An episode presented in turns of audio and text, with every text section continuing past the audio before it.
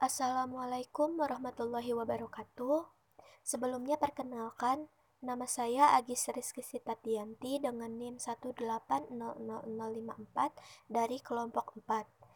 E, di sini saya akan mencoba memberikan gagasan atau penjelasan dan sekaligus pertanyaan kepada saudara Rizky Azharianto Taufik dari kelompok 8. E, sebelumnya uh, saya akan memberikan men mencoba menjelaskan secara general uh, tentang kepemimpinan opini. Nah, uh, kepemimpinan opini ini merupakan kemampuan seseorang yang secara informal mempengaruhi sikap atau perilaku orang lain. Pemimpin opini adalah seseorang yang memimpin dalam mempengaruhi opini orang banyak tentang inovasi.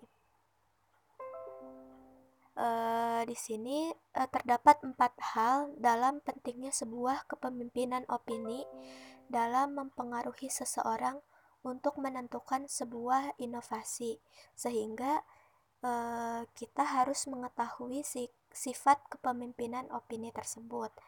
Nah, uh, maka untuk mengetahui sifat kepemimpinan opini ini, kita harus mempelajari yang pertama adalah berbagai model aliran komunikasi massa seperti aliran dua langkah dan revisinya. Yang kedua adalah bagaimana homofil kedua mempengaruhi aliran komunikasi. Dan yang ketiga adalah langkah-langkah kepemimpinan opini dan yang terakhir adalah karakteristik pemimpin opini.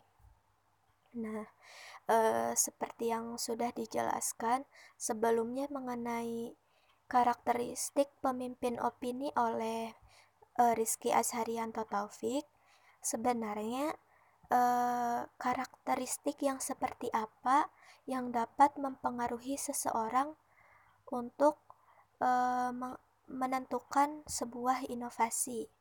Mungkin e, cukup sekian yang dapat saya sampaikan.